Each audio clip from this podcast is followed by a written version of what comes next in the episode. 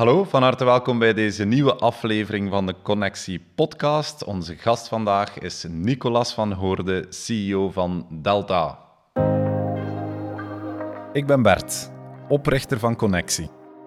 Onze missie is om ervoor te zorgen dat jij als ondernemer een goede connectie hebt op drie niveaus.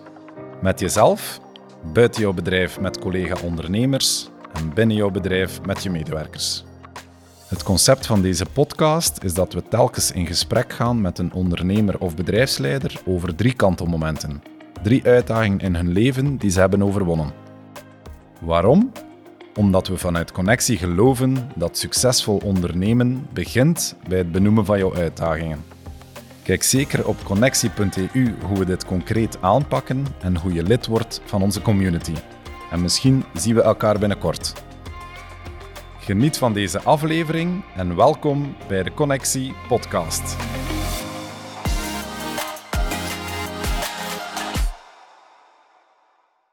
Dag Nicolas.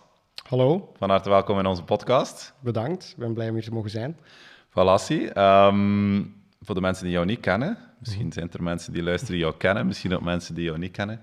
Wie is uh, Nicolas van Hoorde? Uh, ik ben een van de oprichters en momenteel ook CEO van Delta, zoals je zei. En Delta is een uh, financieel platform om een overzicht te krijgen van al je investeringen, gaande van aandelen tot crypto, fondsen, vreemde valuta.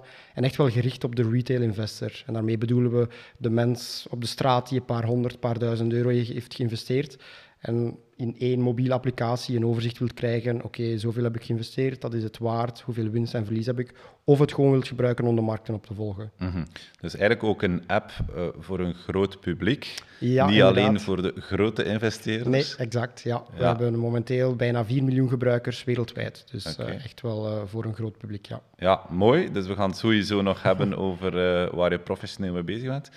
We starten ook altijd de podcast uh, van ja, hoe zou je jezelf omschrijven als persoon?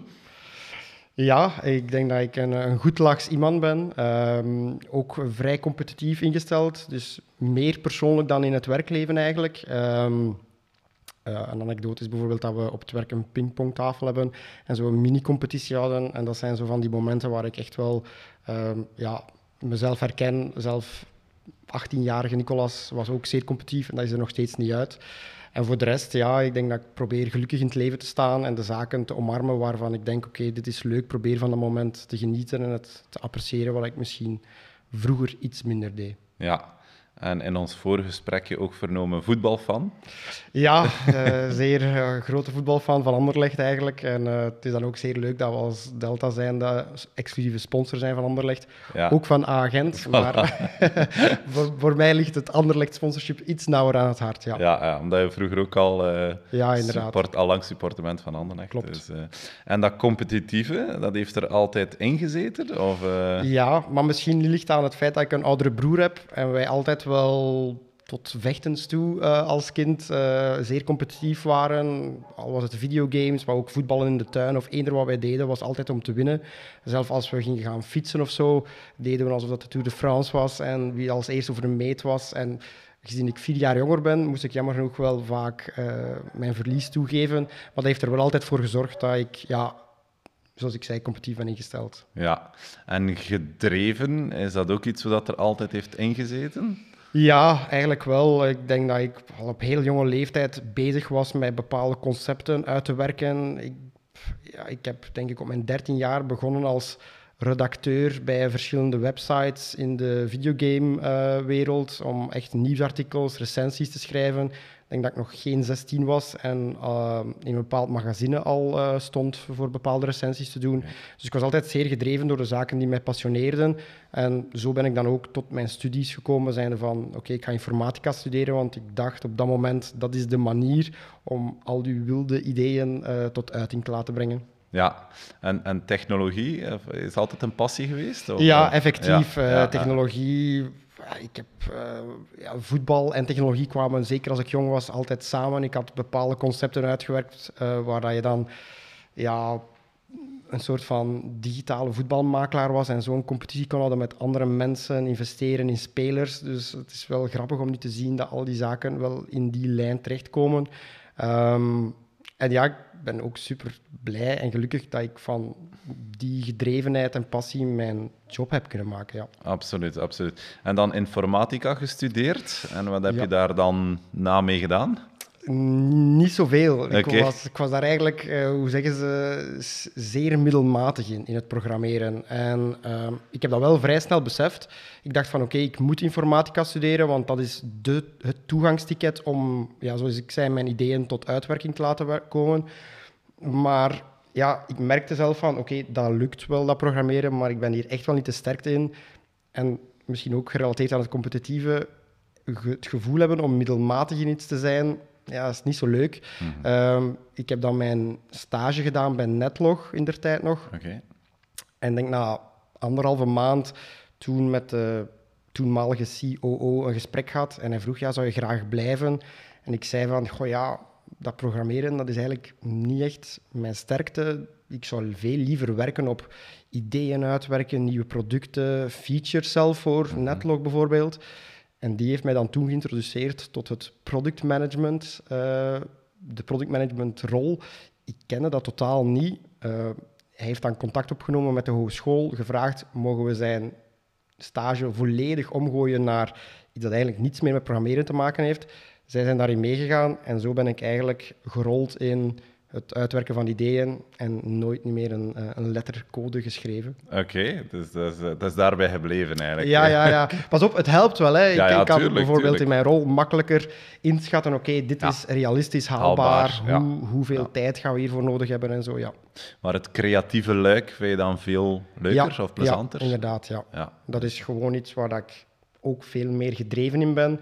Ehm, en denk ik ook ja, beter in ben dan in het programmeren, ja. Dan in het programmeren. Je bent ook nog relatief jong, Ja, dat is relatief inderdaad. 32 net geworden. 32, dus dat Ja. is een, eh, een mooie leeftijd. Ja, Ehm, toch al een, een paar jaar aan het ondernemen. ja. Wat is voor jou de definitie van ondernemen? Ik denk dat dat een mix is van ehm, eigenlijk ten volle ehm, proberen de vrijheid die het ondernemen met zich meebrengt omarmen en ook durven risico's nemen. Want die twee dingen, deze twee eh, zaken samen hebben er altijd voor gezorgd dat het ondernemen zeer boeiend blijft. Want je hebt altijd het, het risicovolle aspect dat u ehm, ja, altijd zeer alert toe houden, maar de vrijheid die u dat dan eigenlijk countert en zegt van oké, maar dit is echt wel waard. Het feit dat je daar s'avonds mee bezig bent, je staat in een douche en je merkt hoe ja, ik er eigenlijk al twintig minuten, want mijn, mijn brein is aan het werken en dan constant aan het nadenken, oké, wat moet ik doen om het bedrijf nog beter te maken, het product nog beter te maken. En ja, die vrijheid ehm, gaat altijd wel hetgene zijn dat ja, iets alleszins iets wat ik nodig heb. Ja. Ja, en, want je hebt ook als werknemer gewerkt, dus eh, Ja. je, hebt, je kent de twee. Ja. Wat vind je nog leuk aan, aan het ondernemen aan zich? ja, ik denk dat het vooral voor mij persoonlijk super leuk is om ehm, met een team bezig te zijn en daar de verantwoordelijkheid voor te dragen. Ik ga niet echt wakker liggen van het bedrijf aan zich. Als dat bijvoorbeeld iets minder gaat, kan ik dat beter loslaten. Maar als de, de mensen in het bedrijf zich niet goed voelen, daar ga ik effectief van wakker liggen. En dat klinkt dan iets dat dan misschien niet positief is, maar uiteraard, als ze dan wel gelukkig zijn, dan is dat zo'n fijn gevoel. En dat hoort bij mij ook bij het ondernemen, ervoor zorgen dat de mensen die daar ook eigenlijk als werknemer, zogezegd, zich elke dag gooien voor dat bedrijf, ja, ik krijg daar zoveel van terug. En ik kan daar echt oprecht zo gelukkig van worden als ik zie dat zij ook gelukkig zijn. Mooi. En Ja. hoe, hoe, hoe doe je dat dan? Hoe probeer je mensen eh, gelukkig te houden? Dat is natuurlijk moeilijk te zeggen, maar ik denk persoonlijk dat, dat ik een vrij atypische manier heb om eh, met mensen om te gaan in mijn bedrijf. Sommige mensen zouden dat misschien te los noemen, maar ik probeer eigenlijk ja, een beetje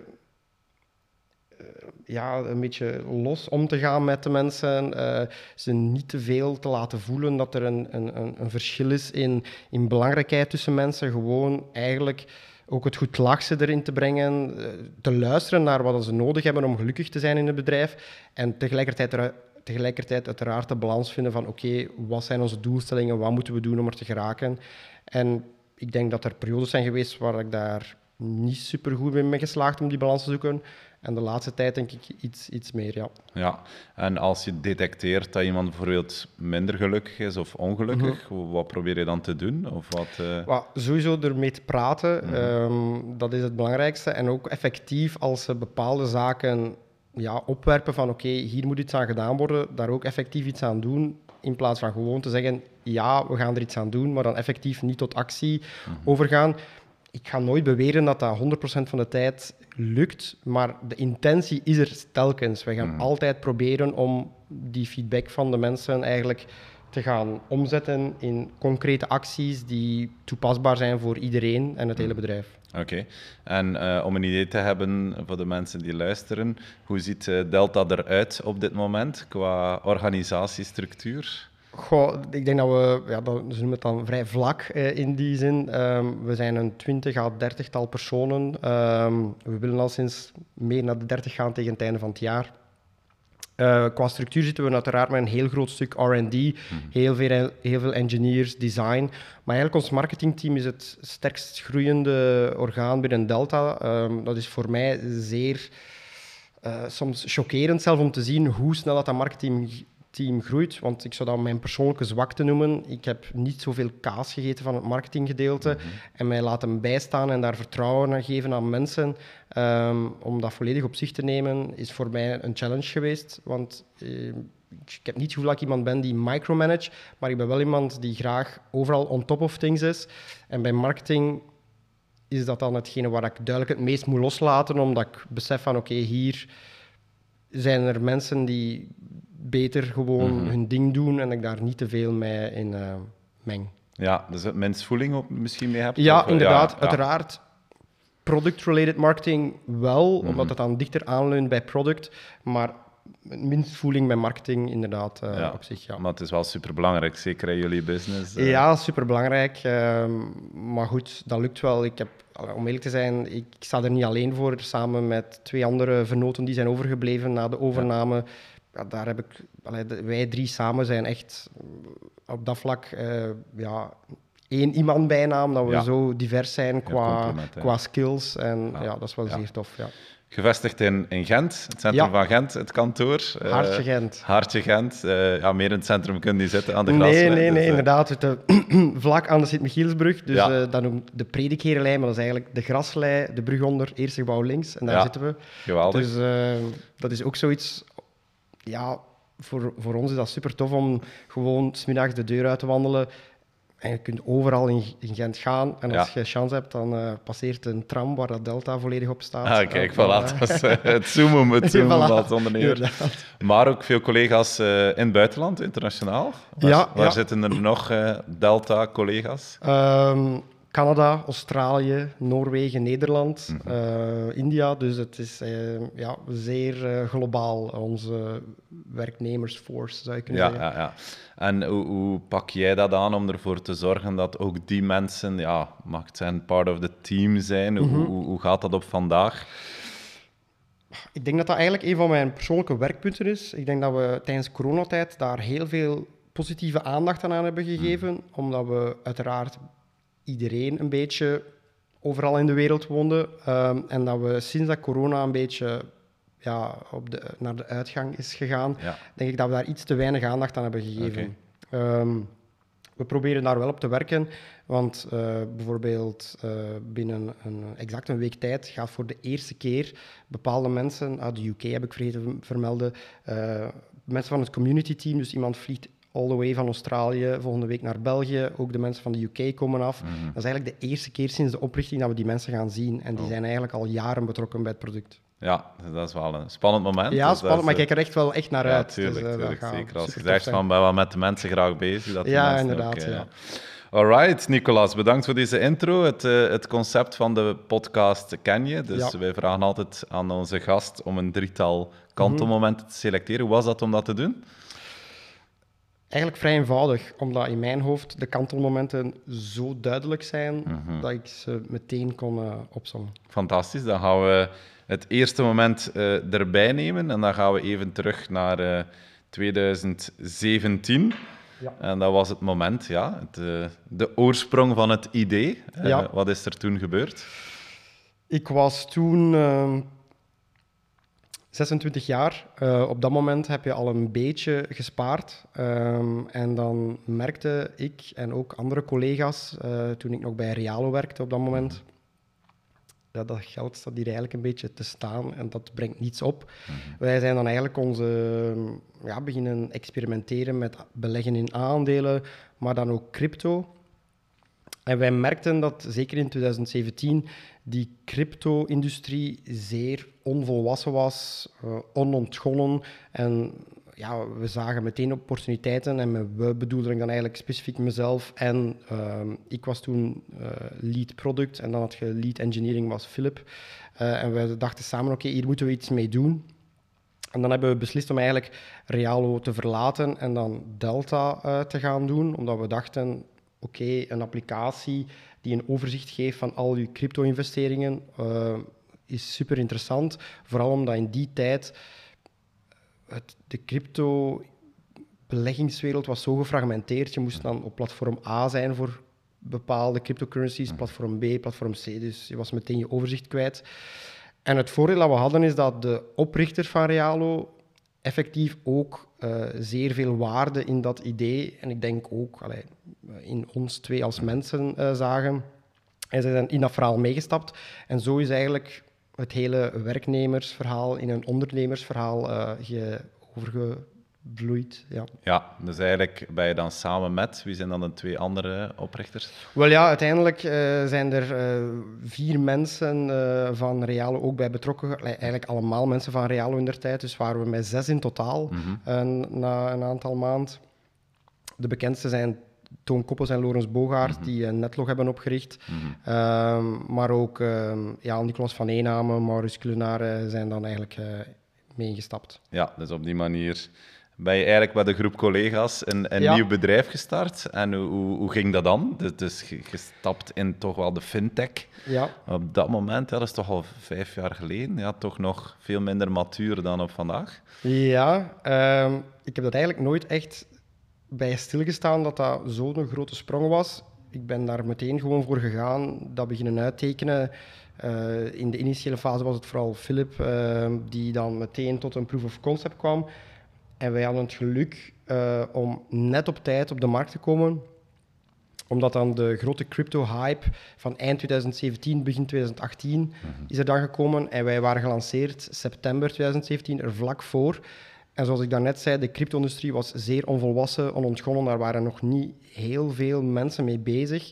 En um, ja, Delta was op dat vlak, objectief zelf gezien, een zeer ja, um, kwalitatief vol product dat er goed uitzag.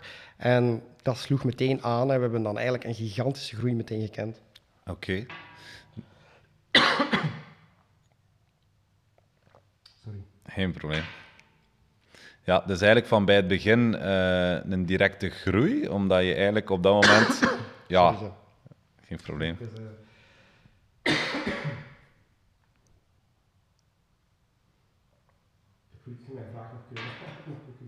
Ja, doe maar op het gemak.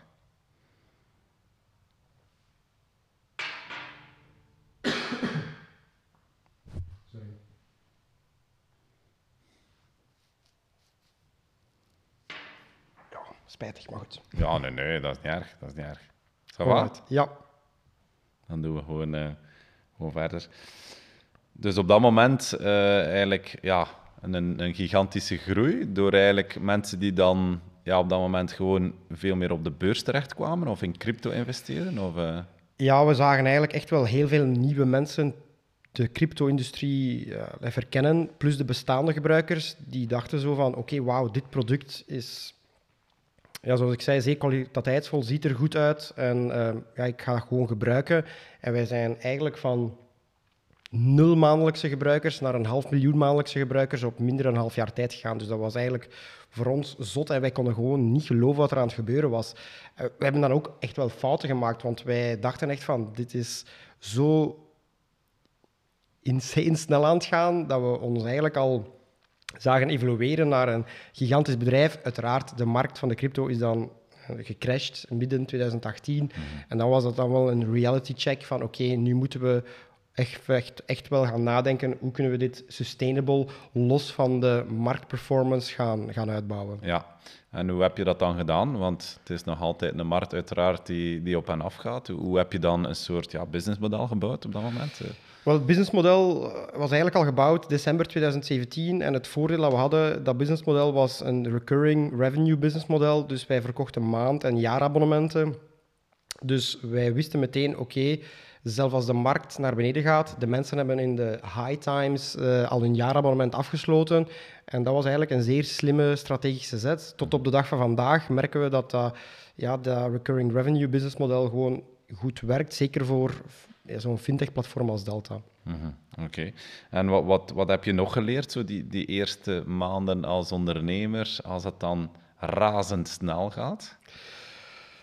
Ik heb vooral geleerd dat je dan eigenlijk misschien achteraf gezien dat we beter een soort van ademmoment genomen en niet onszelf laten opnaaien door de, door de hype die momenteel bezig was. Wij dachten, oké, wij moeten nu heel veel geld in PR steken, wij moeten gaan marketing doen, wij hadden uh, bepaalde ideeën om zelf een eigen token op te richten, terwijl we eigenlijk op dat moment misschien iets gedecideerder, rustiger, um, meer op basis van data moesten gaan kijken, oké, wat zouden we beter doen als volgende stap, in plaats van ons laten ja, mee emotioneel drijven door wat er op dat moment op de markt gebeurde. Mm En word je dan ook, als het zo snel gaat, al vrij snel gecontacteerd door allerlei partijen of valt dat mee? Of hoe gaat nee, dat nee, nee, dat is vrij snel uh, gebeurd in januari 2018. Ik denk dat onze telefoon roodgloeiend stond.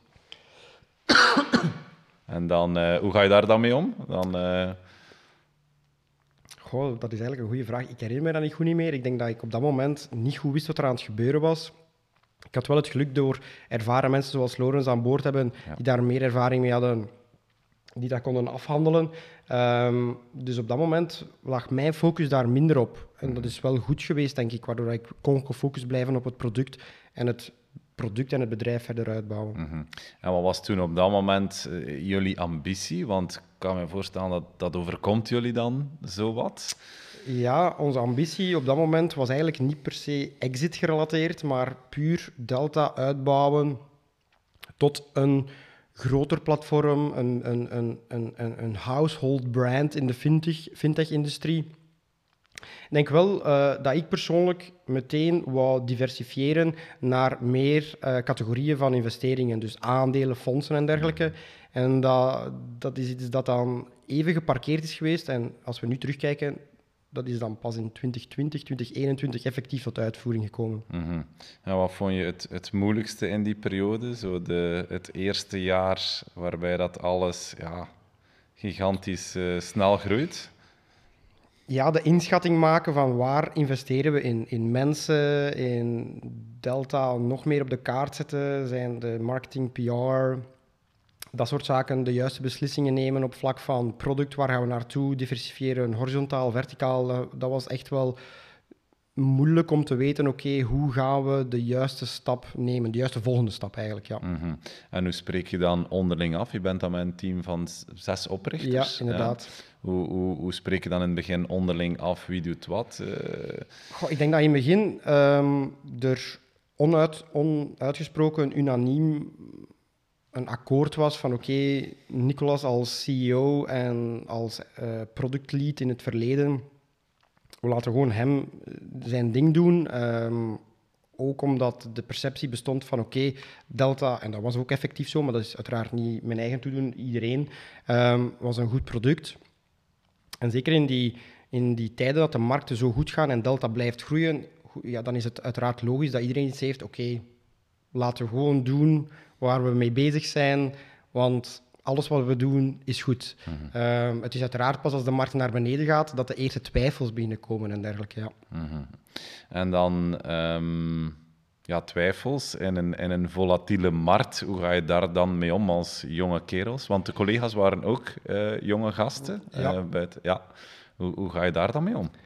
Um, initieel vrij rustig, omdat we wel door hadden van oké, dit is zeer marktgerelateerd natuurlijk, hoe langer dat die, um, die markt um, of die periode van die negatieve markt blijft uh, voortduren, hoe meer je toch begint twijfels te krijgen. En zoals ik al eerder zei, we waren dan met in begin 2018 zoveel investeringen aan het doen in, zoals ik zei, PR, het onderzoeken van een eigen token.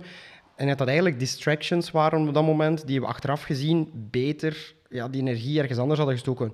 Maar goed, iedereen had de juiste intenties. Iedereen dacht van, we moeten bepaalde zaken doen, proberen de opportuniteiten grijpen waar we zagen. Maar we kwamen daardoor denk ik telkens een stap te laat, in plaats van gewoon gefocust te blijven op hetgeen waar we initieel mee gestart waren, zijnde de beste applicatie voor een overzicht van uw investeringen. Mhm. Oké, en dat is dan een mooi brugje naar, naar 2018. En daar uh, gaat jouw uh, tweede kantelmoment over. Ja. Wat is er, uh, wat is er toen gebeurd?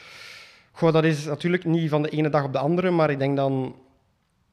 Als we kijken, de, de negatieve markten zijn zo maart 2018 gestart. Um, en ik denk dan stelselmatig richting het einde van het jaar zagen we ook uh, de gebruikersaantallen van Delta uh, dalen. Terwijl we onze kostenbasis uiteraard wel al verhoogd hadden, zijn de eind 2017, begin 2018, omdat we wilden investeren in het team, in het product, in het bedrijf.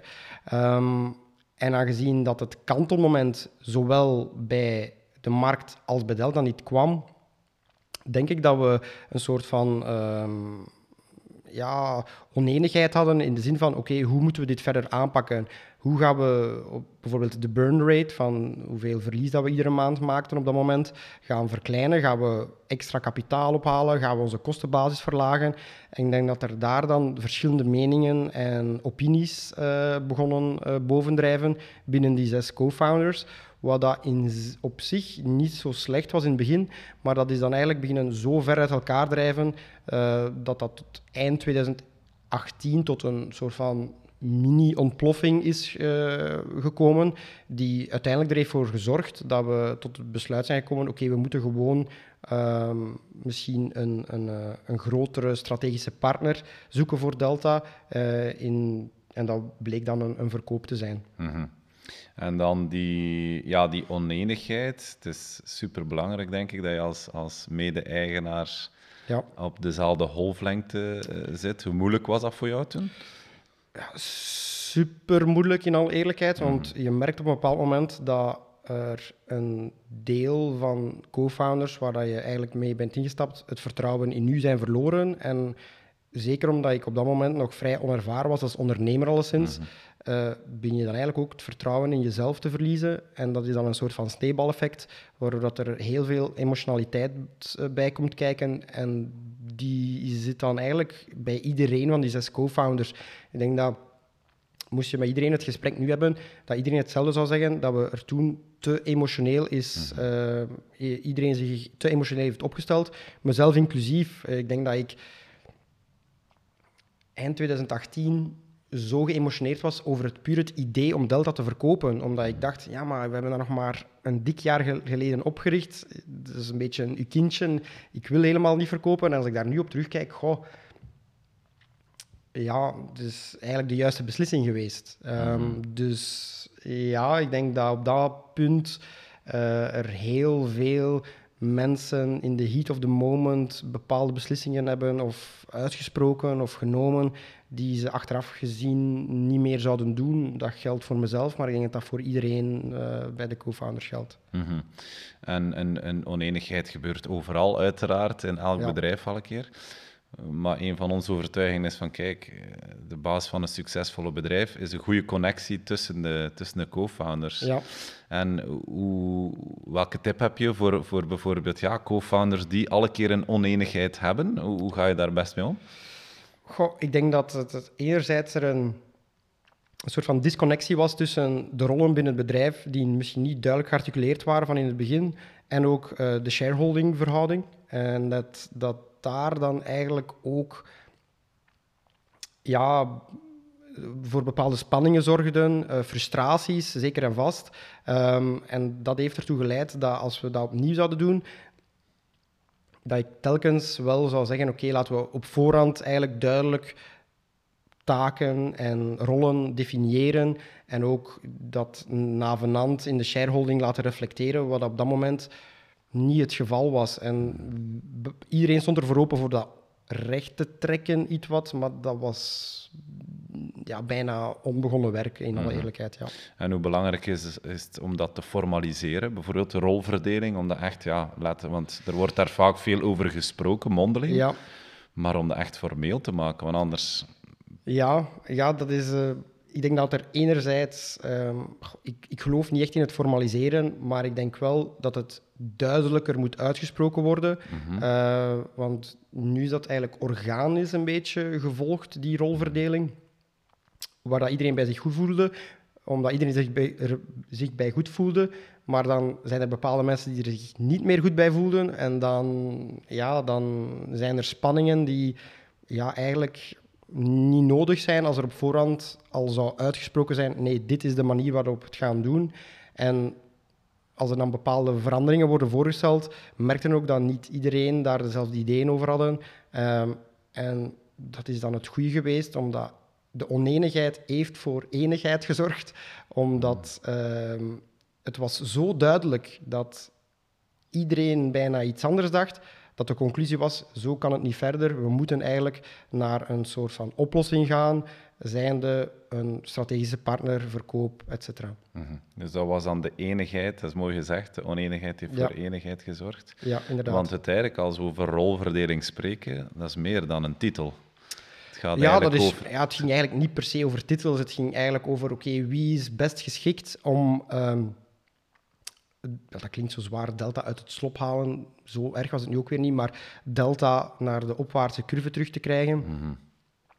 Ja, en ik voelde dat niet iedereen dacht dat ik die persoon was. En misschien was dat terecht, ik weet dat niet. Maar eh, ik was er rotsvast van overtuigd dat ik wel de juiste persoon daarvoor was. Maar zoals ik al eerder zei, als je het vertrouwen binnenskamers al niet voelt, ga je het zelf, zeker als meer onervaren ondernemer, ook niet voelen. En ik kan dan zeggen, achteraf gezien, door de verkoop aan een grotere partij, waar dat, dat vertrouwen gigantisch was, waar dat ze dat meteen heel duidelijk hebben uitgesproken, weet ik nu dat dat, dat een gigantisch verschil maakt. Dat heeft mij zo hard gevormd, zowel het negatieve van eind 2018 als de verkoop, waar dat er dan zoveel vertrouwen in mij werd getoond, zowel expliciet als impliciet. Ja, dat is... Ik zou nooit niet meer mij zo van mijn melk laten brengen, van, zoals in 2018, puur door het vertrouwen van 2019 te hebben eh, meegemaakt en de jaren nadien. Ja, dus zelfvertrouwen hebben en krijgen is cruciaal om goed te kunnen functioneren. Ja, en waarschijnlijk zijn er mensen die zich niet van hun melk zouden laten hebben brengen eind 2018. Maar ik ga gewoon eerlijk zijn, ik had toen nog niet het zelfvertrouwen dat ik vandaag had om daarmee Ja. om te kunnen. Ik ben daar waarschijnlijk niet supergoed mee omgegaan, maar gigantisch eh, leermoment. Absoluut. Mooi. En, en, en dat zelfvertrouwen, hoe kan je daaraan werken als bedrijfsleider, als ondernemer? Goh, dat vind ik een zeer moeilijke vraag. Ik heb niet het gevoel dat ik daar heb moeten op werken. Ik heb dat een beetje moeten omarmen en mezelf daar moeten vertellen, oké, maar ja, je bent effectief goed in wat je doet. En Tegen jezelf zeggen. Ja, want ik denk dat ik altijd overdreven humble ben geweest. Eh, Te humble misschien. te humble. En mensen zeggen dat vandaag nog steeds tegen mij. Zoals de dingen die ik nu zeg, zijn voor mij al... Wat ik tegen mezelf zeg, amai, dat is al heel arrogant. En eh, eh, wat je nu aan het vertellen bent.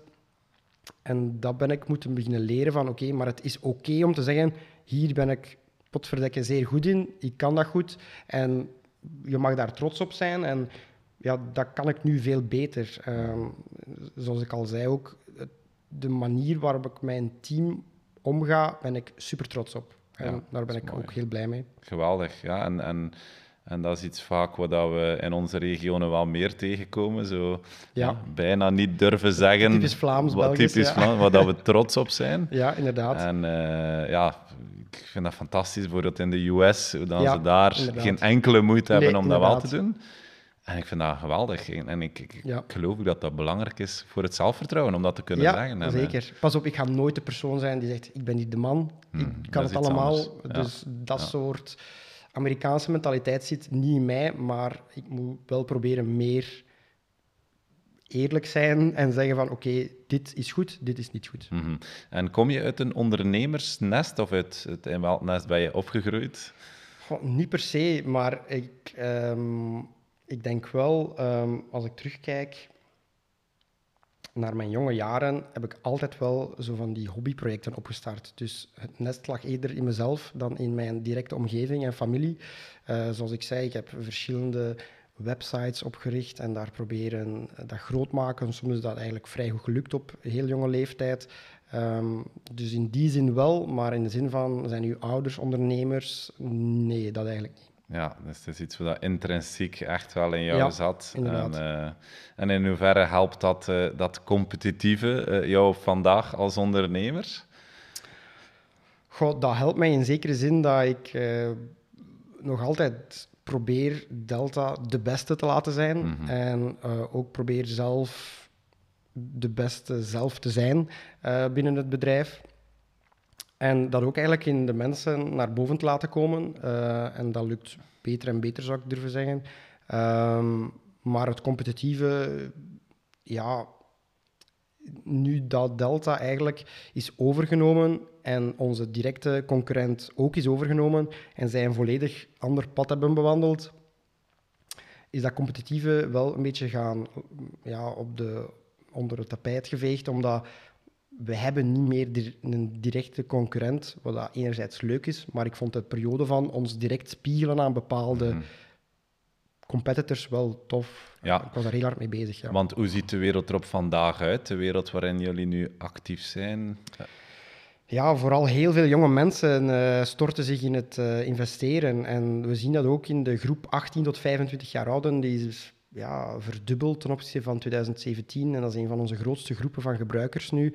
Dus we zien echt wel heel jonge mensen uh, in de stappen zetten. Uiteraard uh, het feit dat het spaarboekje niets opbrengt. Mm -hmm. plus de digitale revolutie, uh, zeker voor de Gen Z-generatie, ja, zorgt ervoor dat zij durven ondernemen crypto is daar zeer, een zeer uh, grote voortrekker in.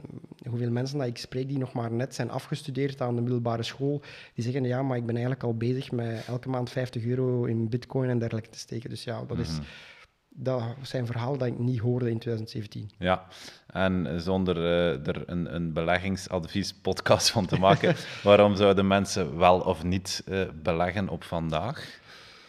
Ja, om eerlijk te zijn, omdat de inflatie op de dag van vandaag is zo groot dat beleggen mij een beter alternatief lijkt dan het puur te laten staan op het spaarboekje waar het geld effectief in waarde verliest. Uiteraard, je moet alleen maar investeren met het geld dat je bereid bent om te verliezen. En liefst zo divers mogelijk. Ik zou niet echt aanraden om alles in één categorie te steken. Mhm. Maar ik geloof wel dat er mee bezig zijn in, uh, met de financiële markt zeer verrijkend is als je met de stress die daarmee komt kan omgaan. Mhm. Als je zegt, dit brengt mij te veel stress, goed dan je laat je het of aan iemand anders over, of je doet het gewoon niet. Mhm.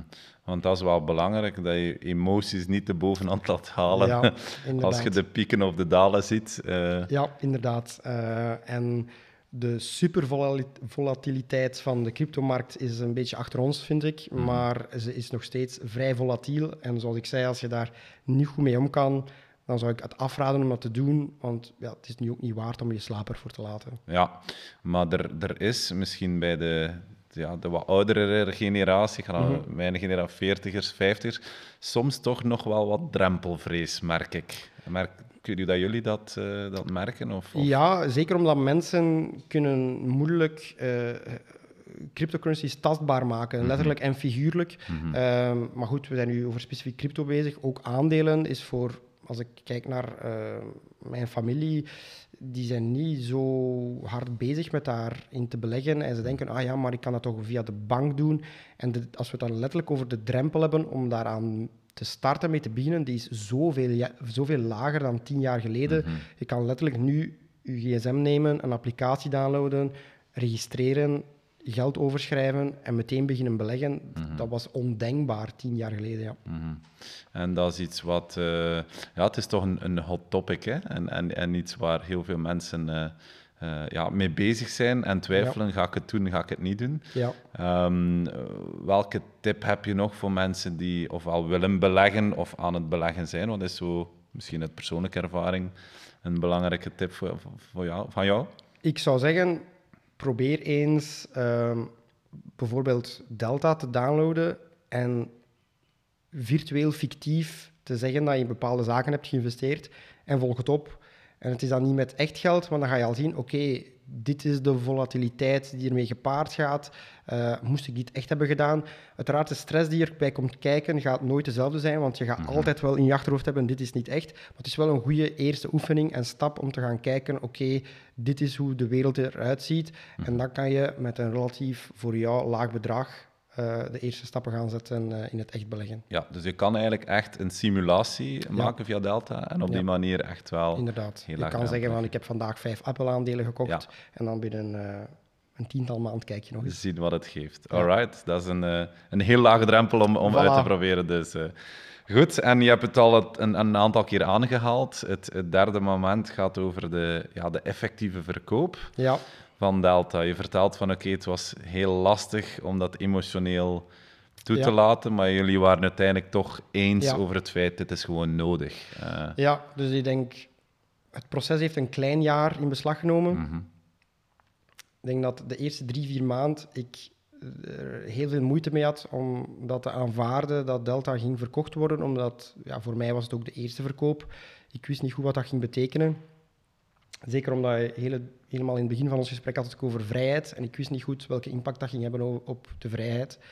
Um, maar eens dat ik ermee had overgezet, was het eigenlijk compleet omgeslaan. En was het een pure gedrevenheid om het verkocht te krijgen. Omdat dat proces, onze overnemer noemt Itoro, was iets van lange adem. En dat heeft soms... Uh, bijna volledig afgeketst geraakt. En dan heb ik me daarop gesmeten om daar toch voor te zorgen, nee, dit is de juiste stap voor Delta. Ik merkte ook aan de werknemers dat zij snakten naar die overname. Mhm. Omdat zij voelden van, oké, dit is eigenlijk de manier om uit de bijna toxische omgeving die Delta op dat moment was geworden, te ontsnappen. En dat is uit, ook zo gebleken.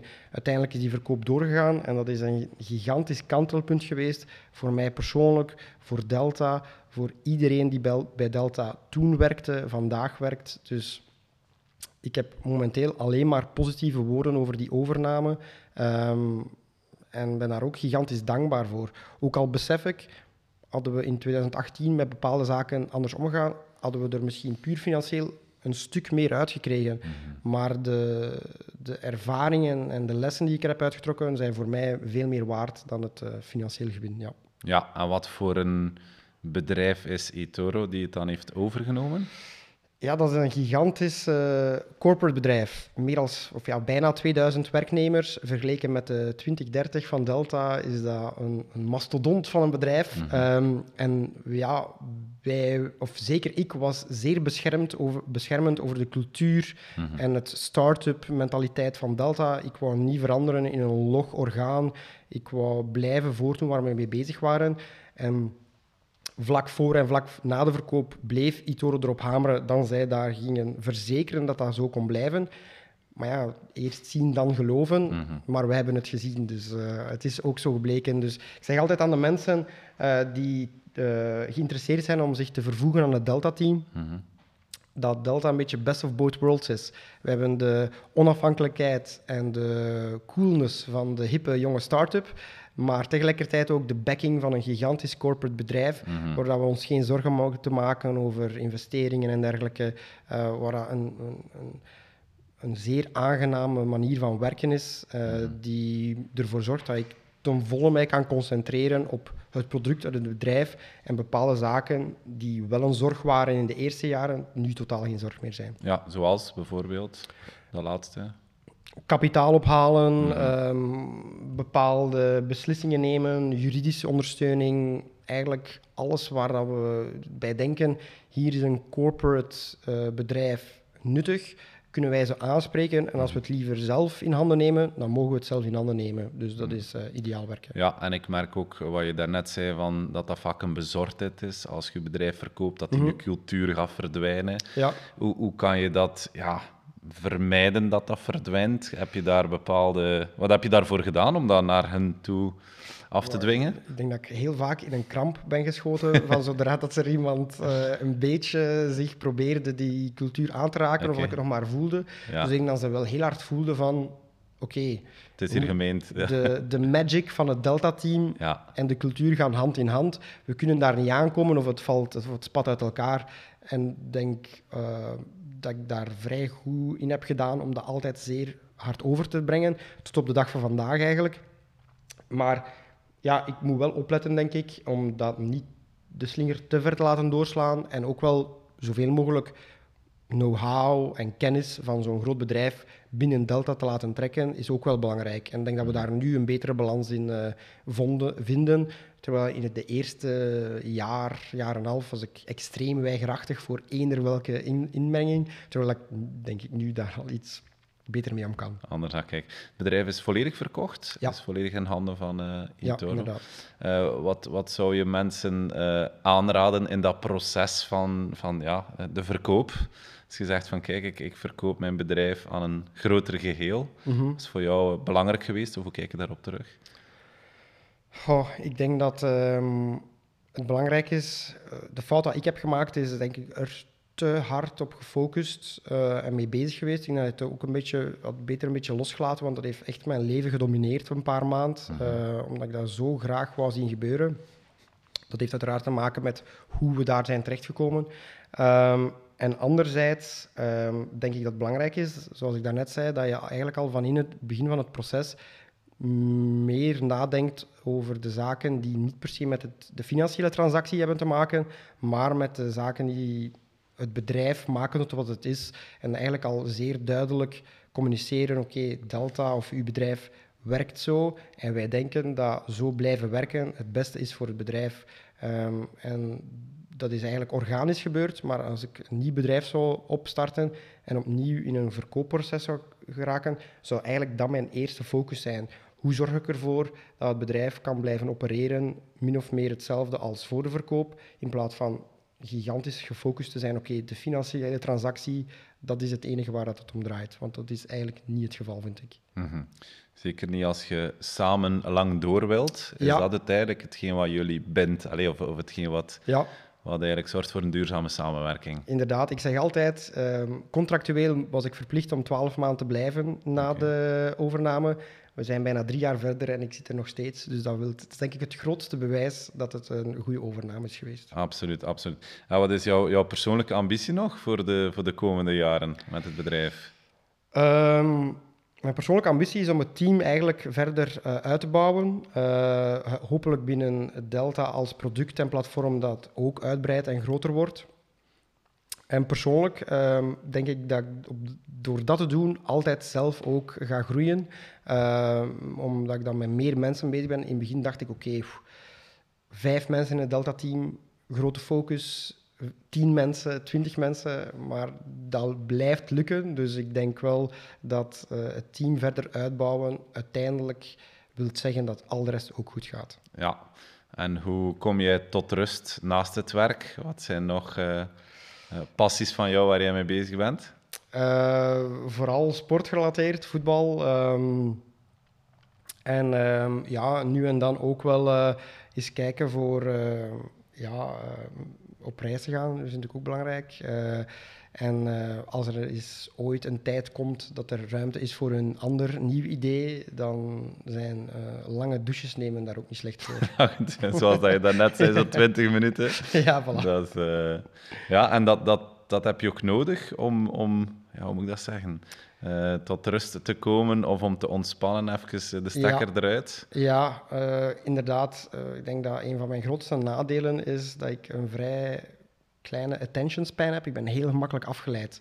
Eh, waardoor dus die een douche van vijf minuutjes eentje van een half uurtje wordt, omdat ik dan van het een gedacht in het andere spring. Ehm, maar dat brengt mij raar maar waar tot rust. Het feit dat ik van het een op het andere spring. En eh, ja, dat is eh, hopelijk hoe dat ik tot eh, betere ideeën binnen en buiten Delta kom. Ja, en als je dan een keer kijkt naar wat jou elke dag drijft, oké, je bent met een bepaald product Mm. bezig, maar wat is jouw drijfveer om 's morgens eh, hopelijk vol energie op bed uit te springen? Ik val in herhaling, maar effectief voor het kantoor binnen te wandelen, daar tien gezichten te zien en te zien van, alright, we zijn er weer klaar voor. Ja, en hoe, hoe belangrijk is dat in een, dat is misschien cliché, maar in een tech-omgeving, waarbij dat je... Ja, dat is vooral nu sinds corona is er een, een grote focus op het remote work. Ik heb het daar persoonlijk iets lastiger mee, omdat die energie die ik krijg uit mensen op het kantoor zien, dat verdwijnt bijna volledig in een full remote omgeving. Dus ik ben daar niet voor gemaakt. Een hybride is prima, maar ik heb wel graag dat er nog steeds een kantooraanwezigheid is. En dat heeft niets met een soort van controle-idee te maken, maar puur van, ja, het team voelt echter gewoon als je samen zit nu en dan. Uh, ja. ja, dus jij gaat nooit je kantoor opzeggen en iedereen uh, remote laten werken van thuis? Uh, nee, ik denk dat ik daar ongelukkig van zou worden, echt ja, waar. Dat, ja. is, dat is misschien niet super modern om te zeggen, maar het is hoe dat je in elkaar zit. Absoluut. Um, wat zou je nog willen in het leven? Je bent nog heel jong. Wat zijn nog dromen om ooit te verwezenlijken?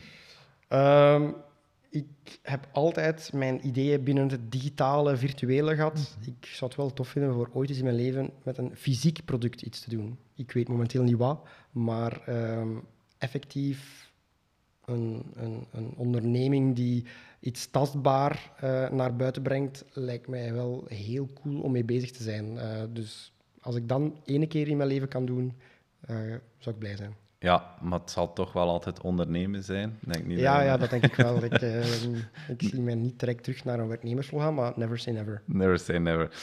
Laatste vraag, Nicolas. Welke boodschap wil je nog meegeven aan collega-ondernemers, bedrijfsleiders die kijken of luisteren naar deze podcast? Ja, eigenlijk hetgeen dat ik mezelf heel de tijd heb moeten leren zeggen, dat is in jezelf geloven en tegen je eigen zeggen dat je goed bent in bepaalde zaken Um, want dat heeft mij het meest uh, vooruitgebracht. Ja, alright. Een mooie afsluiter. Super bedankt. Jij bedankt. Nee. Ja, graag gedaan. En, en heel fijn dat je hier heel open hebt komen praten over toch wel een, een rollercoaster, als ik het zo mag zeggen. op zijn minst op zijn zachts gezegd, ja. Op zijn zachts gezegd, op, op heel wat vlakken ja, heel, heel boeiend en leerrijk eh, mhm. om, om eigenlijk te horen wat jouw kantelmomenten zijn geweest. Ik wens jou heel veel succes nog. Heel erg bedankt. In alles wat je doet. En uh, ja, ik zou zeggen, uh, nog veel gebruikers voor, voor Delta. Dus, Komt goed. Goed, voilà. veel succes en tot binnenkort. Thanks. Voilà, uh, bedankt om te kijken of te luisteren naar deze aflevering van uh, de Connectie Podcast. Abonneer je nu via Spotify, YouTube of Apple Podcast om geen enkele aflevering te missen. Laat ook gerust weten wat jouw grootste challenge is als ondernemer en dan horen of zien we elkaar misschien binnenkort. Bedankt en tot de volgende keer.